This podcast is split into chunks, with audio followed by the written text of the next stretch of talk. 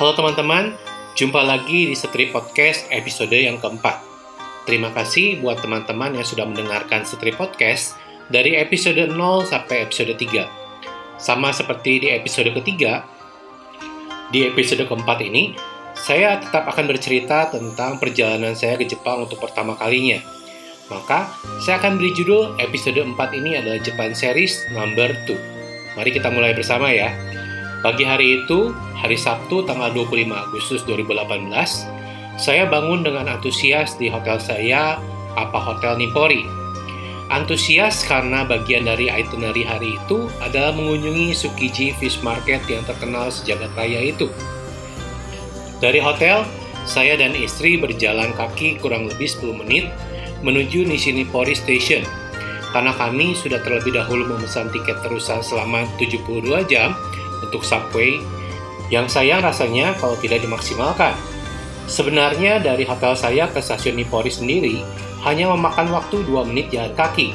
Tetapi sekali lagi, stasiun itu tidak melayani perjalanan dengan subway. Perjalanan sendiri memakan waktu sekitar 22 menit dengan ongkos sebesar 200 yen dengan sekali transfer di Hibiya Station. Keluar dari stasiun Tsukiji, kita hanya cukup berjalan kaki lurus melewati Sukiji Hongwaji, sebuah vihara Buddha di daerah situ. Seberangi jalan, maka petualangan perut akan dimulai. Jujur, hari itu panas banget, sehingga bisa dibilang mengganggu konsentrasi saya. Biasanya saya tahu where to go, tetapi pada waktu itu kayaknya confused banget, gak tahu mau ngapain. Mungkin sekali lagi, karena Tokyo hari itu panas banget. Temperatur di pagi hari nyaris 35 derajat. Buat saya, si gemuk lucu ini, suhu segitu jelas neraka jahanam atau nyiksa bet. Secara di temperatur normal saja, saya mudah keringetan. Sekitar 5-10 menit, kami hanya berputar-putar saja, gak jelas tujuan. Sampai saya menemukan tujuan destinasi pertama saya, yakni Daifuku. Yes, Daifuku aka Strawberry Mochi, aka Mochi Strawberry yang terkenal dari Tsukiji Fish Market. Mochi tersedia dalam berbagai varian rasa, seperti kacang merah, custard, dan matcha. Sedangkan strawberry-nya sendiri ada dua pilihan, yakni yang berwarna merah dan berwarna putih. Masing-masing mochi strawberry ini dihargai 300 yen. Karena kami berdua, jadi kami beli dua ya. Yang satu isinya kacang merah dan satu lagi isinya matcha dengan stroberi merah di atasnya. Sekedar saran ya, stroberi merah itu asam, campurlah dengan isian mochi yang manis, jadi balance. Sedangkan stroberi putih itu manis banget, campurlah dengan isian mochi yang gak terlalu manis atau asam kalau bisa ya, biar gak giung. Nah, setelah makan, otak mulai jalan nih. Saya tahu dengan jelas tujuan selanjutnya, yakni tamagoyaki. Yes, telur dadar kotak khas Sukiji yang dibanderol seharga 100 yen. Banyak pilihan stall yang menjual, harganya juga sama semua. Yang membedakan adalah cara penyajiannya. Saya perhatikan, setidaknya ada dua cara penyajian tamagoyaki ini. Pertama, diberikan stick seperti ice cream, ini yang saya pilih ya.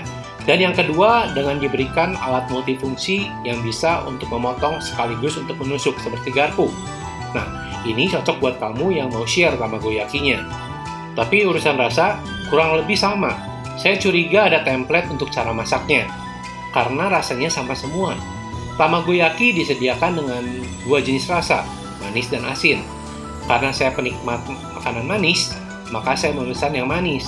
Membuat sensasi memakannya seperti makan kue daripada makan telur. Panas pagi hari itu yang sampai 35 derajat Celcius membuat si gemuk lucu ini terserang panik. Panik gak tahu mau ngapain, pusing, dan tangan bergetar. Nah, tangan bergetar ini yang menjadi bencana di makanan selanjutnya. Target besar hari itu jelas salmon tuna bowl. Karena Tsukiji adalah pasar ikan terbesar di Jepang, so pasti seafoodnya bisa dipastikan fresh. Tidak ada restoran tujuan utama sih sebenarnya, karena semuanya pasti enak. Semua rata-rata mengantri, Rata-rata kedai seafood di Sukiji menjual daging salmon, tuna, tuna otoro atau perut tuna yang penuh lemak, dan cacahan perut ikan tuna. Mengantri, panas, dan antusias adalah kolaborasi maut buat saya. Sampai akhirnya saya mendapatkan mangkuk kenikmatan seharga 1200 yen itu. Bencana terjadi. Pelayan mempersiapkan, saya bayar, mangkuk siap, diberikan kepada saya, saya terima, dan mangkuk jatuh. Sekian. My God, my 1200 yen. Si gemuk lucu ini pun diam, bengong, pusing, pasrah, kesel, dan tetap masih kepanasan. Itu rasanya ya, kayak kamu abis numpahin 100 gelas cendol Elizabeth. Tetapi Tuhan memberkati orang Jepang. Dengan cekatan, si pelayan membersihkan mangkuk sayang tumpah itu dan menggantinya dengan mangkuk baru. Oh bahagianya, salmon tuna terbaik. Tunanya meleleh di mulut, seger pol. Mangkok terbaik sepanjang sejarah persasimian. Semakin seger karena dibanjur ocha dingin yang disediakan secara gratis. Istri saya nggak bisa makan sashimi, jadi saya udah punya rencana buat dia. Rencana itu adalah Kitsuneya Gyudon, embahnya gyudon atau nasi daging sapi. Per mangkuk seharga kurang lebih 1000 yen. Wajib dimakan karena ini enak banget. Buat mereka yang mau share makanannya, please antrinya sendirian aja ya. Karena Kitsuneya Gyudon masuk ke not sharing food. Bowlnya cukup besar sih sebenarnya untuk sharing, tetapi ya itu harus diam-diam makannya, jangan sampai ketahuan sama si om yang jual. Tetapi berita buruknya adalah 29 September 2018 menjadi hari terakhir buat Jonai Site Tsukiji. Karena toko-toko di Jonai Site pindah ke Toyosu Market yang lebih modern. Setelah beroperasi dari tahun 1935, setengah pasar harus pindah. Isu semenjak 17 tahun yang lalu menjadi kenyataan. Tanggal 11 Oktober 2018, Toyosu Fish Market mulai beroperasi. Tanggal itu pula the very first Yoshinaya di Jonai Site tinggal menjadi kenangan. Menunggu untuk dialihfungsikan menjadi stasiun bus untuk Olimpiade Tokyo 2020. Well, memories will always be a memories. Setelah selesai dengan Tsukiji Fish Market, kami beranjak ke area Asakusa untuk mengunjungi Sensoji Temple. Tidak lengkap rasanya mengunjungi Tokyo tanpa pergi ke Sensoji dan berfoto di bawah lampion merah yang ikonik itu. Sensoji Temple sendiri adalah salah satu kuil Buddha terbesar di Tokyo. Terkenal karena keeksentrikannya dengan memiliki lampion-lampion besar berwarna merah. Berjumlah tiga ya. Yang satu ada di Kamiranimon Gate, satu lagi ada di Komagatado Gate, dan satu lagi ada di Aula Komagatado-nya. Salah satu daya tarik dari kuil Sensoji, selain lampion-lampion merah ini, adalah Nakamise Dori, suatu jalan yang dipenuhi makanan dan oleh-oleh khas Jepang. Untuk rekomendasi snack enak di Sensoji Temple, pastinya rice crackers yang dijual seharga 1000 yen per 3 buah. Cukup mahal emang, tapi dengan rasa yang enak dan sensasi rasa wasabi yang legit, membuat harga itu menjadi worth it untuk dicoba jangan membeli rice crackers plastikan ya, karena rasanya B aja walaupun murah. Coba rice crackers yang dijual satuan. Nah, sekedar saran lagi nih buat teman-teman yang mau berangkat ke Jepang pada musim panas. Untuk dipertimbangkan lagi ya. Jepang pada musim panas memang tren buat foto-foto. Karena pohon-pohonnya sedang hijau. Langitnya lagi biru-birunya. Cewek dan cowok Jepang lagi cantik-cantik dan cakep-cakepnya karena ke mana-mana mereka pakai yukata dan jinbei. Tetapi panasnya itu loh, hari itu saya cek temperatur hingga 38 derajat Celcius. Kepanasan, keringetan, lelah muter-muter sensoji, saya dan istri saya memilih ngaso di tepi Sumeda River sambil melihat pemandangan sungai yang adem, gedung Asahi, dan Tokyo Skytree. Walau di bawah rindangnya pohon, tetap terasa panas. Kalau dari spot ini, teman-teman bisa melihat tiga landmark sekaligus. Landmark pertama jelas adalah Sumeda River itu sendiri. Asik banget kayaknya untuk menikmati boat tour di Sumeda ini. Saking panjangnya sungai ini, ada jasa boat tour yang akan mengantar kita sampai Odaiba, pulau buatan yang berkembang jadi kece banget. Sedangkan landmark kedua adalah Asahi Building, terkenal dengan kepompong emasnya. Ya pertama kali saya kira ini api sih. Nah, Fun fact tentang kepompong emas ini baru saya ketahui kemudian. Setelah peristiwa bom atom Hiroshima dan Nagasaki pada tahun 1945, orang-orang Jepang ini nggak habis semangat. Mereka tetap percaya akan ada generasi luar biasa yang akan lahir. Sama seperti ulat yang berubah menjadi kupu-kupu yang indah melalui kepompong. Mereka berharap kelahiran generasi emas dari kepompong emas itu. Dan kita lihat Jepang sekarang seperti apa ya. Landmark ketiga adalah Tokyo Sky Tree. Tokyo Sky Tree adalah menara tertinggi Tokyo mengalahkan Tokyo Tower.